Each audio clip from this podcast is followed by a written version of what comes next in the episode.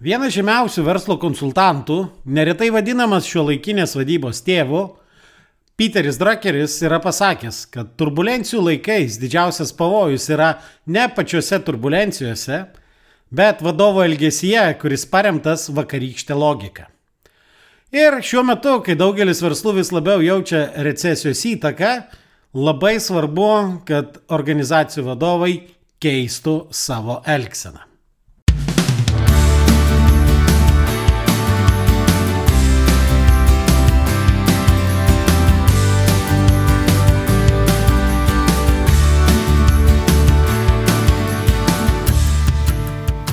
Sveiki, jūs klausotės podkasto Nuo amato prie verslo, kuriame tikima, kad verslas turi būti pajamų, pasiekimų ir pasitenkinimo šaltinis, o ne tik kelti stresą ir deginti laiką. Su jumis aš, šios laidos autorius ir vedėjas, verslo konsultantas, treneris ir efektyvumo fanatas Nerius Esinavičius. Jūs klausotės 21-ojo dinklalaidės epizodo. Bankų kalbėtojai, dar vadinami vyrai ekonomistais, jau prieš mėnesį paskelbė apie tai, kad Lietuvoje fiksuota techninė recesija. Tai yra, du ketvirčius iš eilės Lietuvos bendras vidaus produktas mažėjo, nors darbo rinka vis dar demonstruoja atsparumą.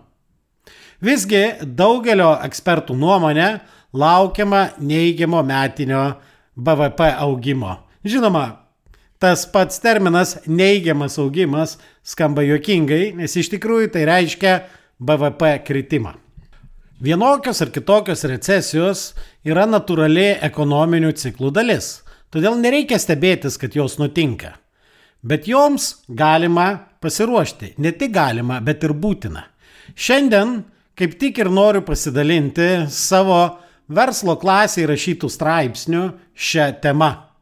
Gero klausimuose. Gyvenimas po optimizacijos.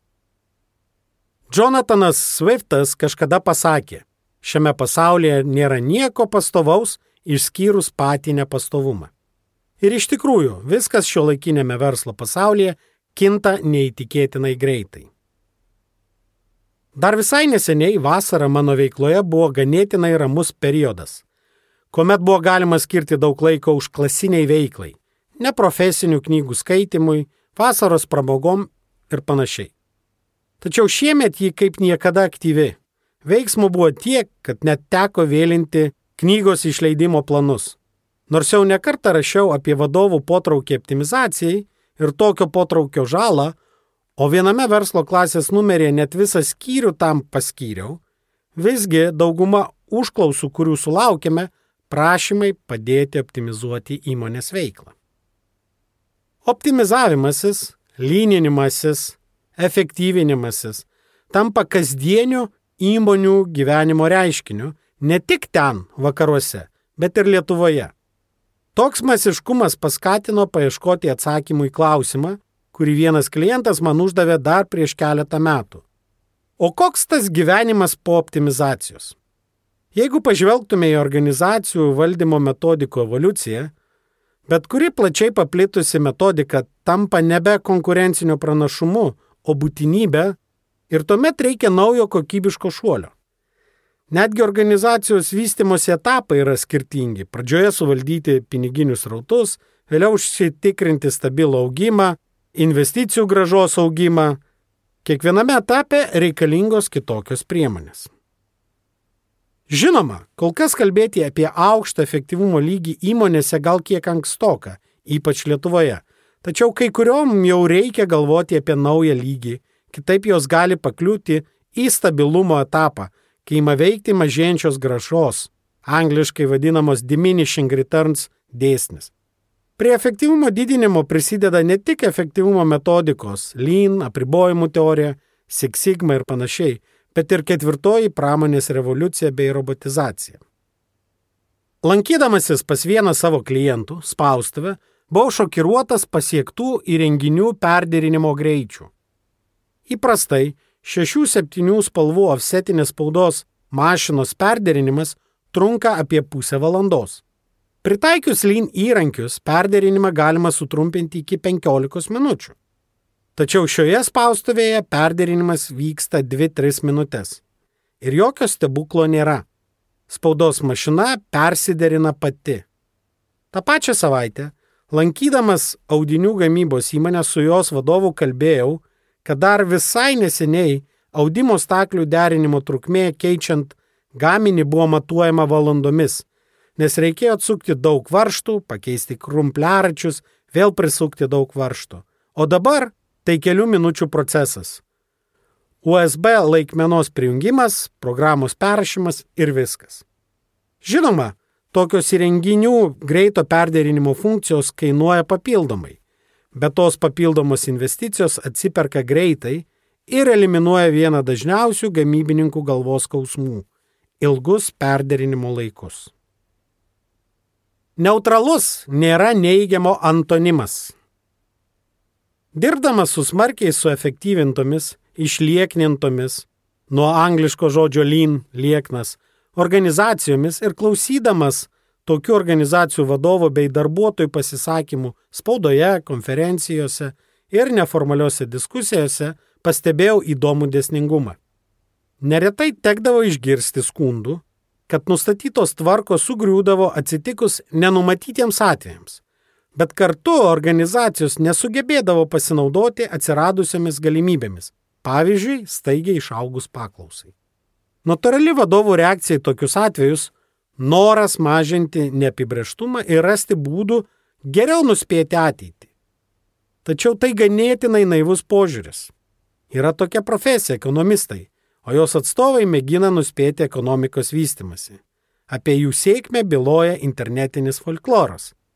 Kad ekonomistai tai žmonės, kurie rytoj galės paaiškinti, kodėl šiandien neišsipildė jų vakarykštės prognozės.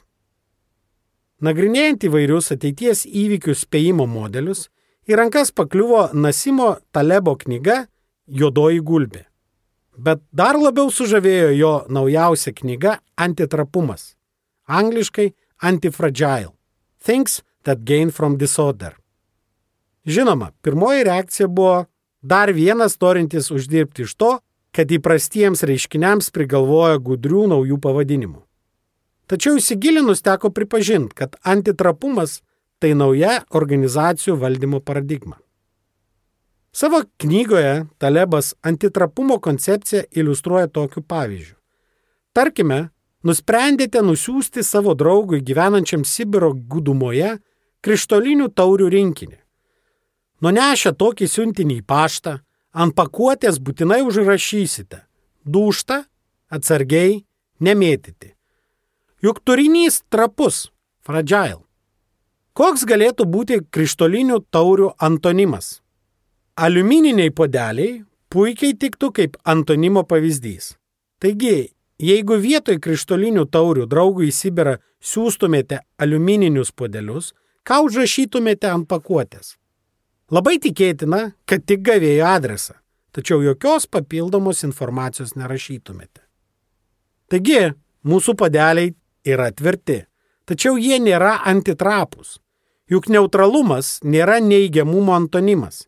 Jeigu mūsų siunčiami podeliai būtų tikra trapumo priešingybė, ant pakuotės turėtume užrašyti - mėtyti, nesaugoti ir panašiai. Vėliau knygos autorius konkretizuoja trijų būsenų apibrėžimus. Jei dalykas, daiktas, žmogus, organizacija iš neapibrieštumo patiria daugiau žalos negu naudos, toks dalykas yra trapus - fragile. Jeigu daiktas yra atsparus neapibrieštumams, tačiau nesugeba iš to gauti naudos, toks dalykas yra tvirtas angliškai rabast. Antitrapiu galima vadinti tik tokį dalyką, kuris yra ne tik atsparus neapibrieštumo neigiamai įtakai, bet ir sugeba gauti naudos iš to neapibrieštumo. Kadangi Nasimas Talebas studijavo antikinę filosofiją, tas tris organizacijų būsenas - trapi, tvirta ir antitrapi - iliustruoja antikiniais pavyzdžiais.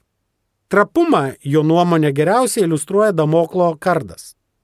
Tai iliustracija, kai mažiausia problema, nutrūkęs ašutas, visiškai sugriauna organizaciją. Tvirtą organizaciją atspindi Feniksas, kuris visuomet atgimsta iš pelenų. Kad ir kas nutiktų organizacijai, jie sugebės atsilaikyti ir atgimti. aukščiausia organizacijos būsena antitrapumą atspindi Lernos hidra. Ji buvo garsi tuo, kad nukirtus jai galvą, toje vietoje išaugdavo dvi naujos.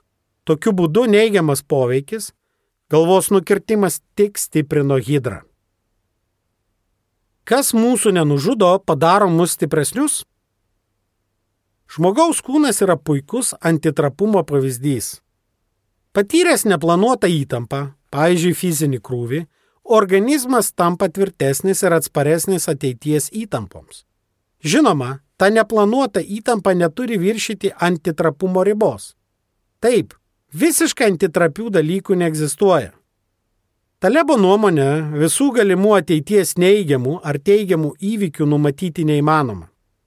Tačiau yra visiškai nesudėtinga įvertinti organizacijos antitrapumo lygį bei imtis galimų antitrapumo didinimo veiksmų. Antitrapi organizacija ne tik ištveria įvairiausius aplinkos smūgius, bet ir sugeba iš jų pasimokyti ir vėliau gauti naudos. Visi yra girdėję posakį, kas mūsų neužmuša, padaro mus stipresnius. Bet kaip ir dauguma kitų auksinių minčių, taip ir ši nėra absoliuti tiesa. Dauguma organizacijų nėra pasiruošusios gauti naudos iš blogų įvykių. Neretai jos nepasimoko iš netikėtų įvykių. Apie tai, kaip mokytis iš netikėtų dalykų ir stebuklų, kalbėsiu kitame straipsnėje. Kad ir kaip banaliai skambėtų, mano nuomonė, vienas antitrapių organizacijos pavyzdžių galėtų būti Toyota. Toks skandalas, kuris kilo dėl brokuotų detalių sukeltų mirtinų avarijų, galėjo nuskandinti daugelį automobilių gamintojų. Tačiau Toyota ne tik atsilaikė, bet ir išnaudojo šį atvejį savo vidiniams procesams tobulinti ir dabar vėl lyderiauja automobilių kokybės reitinguose. Kitas antitrapios organizacijos pavyzdys gali būti Daesh, kitaip dar žinoma kaip Islamo valstybė. Nepaisant galingiausių valstybių aktyvios kovos su šia organizacija, ji vis dar išlieka stipri ir tik didina savo veiklos įtaką. Kai dėliojausi šio straipsnio mintis, kaip lietuvišką antitrapumo pavyzdį ruošiausi minėti Andrių Užkalnį. Mes galime jo nemėgti, galime nesutikti su jo rašymo stiliumi ar netgi vertybėmis. Tačiau turime pripažinti, kad jis sugeba net iš tų situacijų, kai daugelis palūštų, gauti daug naudos. Kuo labiau jį puola ir kritikuoja, tuo daugiau naudos gauna, tuo labiau jį mini, lankosi jo tinklaraštyje, skaito ir komentuoja jo straipsnius, aptarinėja. Tačiau pastarųjų savaičių įvykiai, visiškai išorinis veiksnys vardinių užkalnio koldūnų gamintojo veiklos brokas sukėlė didelį pavojų užkalnio reputacijai. Šis skandalas bus puikus tekstas patikrinti visų istorijos dalyvių antitrapumą. Aš linkęs spėti, kad mažiausiai žalos ir daugiausiai naudos iš šios istorijos vis dėlto gaus, tai yra labiausiai antitrapus bus Andrius Užkalnis. Efektyvumas svarbu, antitrapumas svarbiau. Kodėl įmonėms turi būti svarbu įsivertinti savo antitrapumą ir jį stiprinti? Priežastis labai paprasta. Jeigu įmonės vadovai nekreips į tai dėmesio, labai tikėtina, kad bus daromi veiksmai, kurie mažina įmonės antitrapumą. Po karšto ilgojo joninių savaitgalio verslo žiniuose buvo straipsnis, nagrinėjantis, kodėl nemažai prekybos taškų pritruko ledų ar alaus. Karštas ilgasis savaitgalis tai netikėtai išaugusi paklausa arba atsiradusi galimybė parduoti ir uždirbti daugiau. Tačiau nemažai organizacijų tuo nepasinaudojo. Nors tokia mano nuomonė sulaukė ir nepritarimo, visgi manau, kad viena svarbių nesėkmės priežasčių - tai per didelis susitelkimas į atsarginių pajėgumų mažinimą, dar kitaip vadinamą efektyvinimu. Jeigu paklausa būtų kritusi 50 procentų, neigiami padariniai būtų buvę pajausti. Tvirtesnės organizacijos būtų patyrusios mažiau žalos, nes būtų sureagavusios ir užsisakiusios mažiau arba tiesiog ilgiau pardavinėjusios turimas atsargas. Kitos trapesnės įmonės galbūt tai būtų pajutusios smarkiau. Bet 50 procentų išaugusi paklausa įtakos rezultatam neturėjo, nes galimybė nebuvo išnaudota. Kad ir kokia efektyvi būtų organizacija, vis dėlto jos gyvavimas gali nutrūkti labai greitai. kaip nuo damoklo kardo. Taip pat svarbu sugebėti pasinaudoti atsirandančiomis progomis. Numatyti visų galimų situacijų, kuriuose gali atsidurti įmonė, neįmanoma. Šitą gyvenimas jau įrodė ne vieną kartą. Tačiau galima įsivertinti, kokius stiprumo smūgius organizacija gali atlaikyti ir tą organizaciją stiprinti.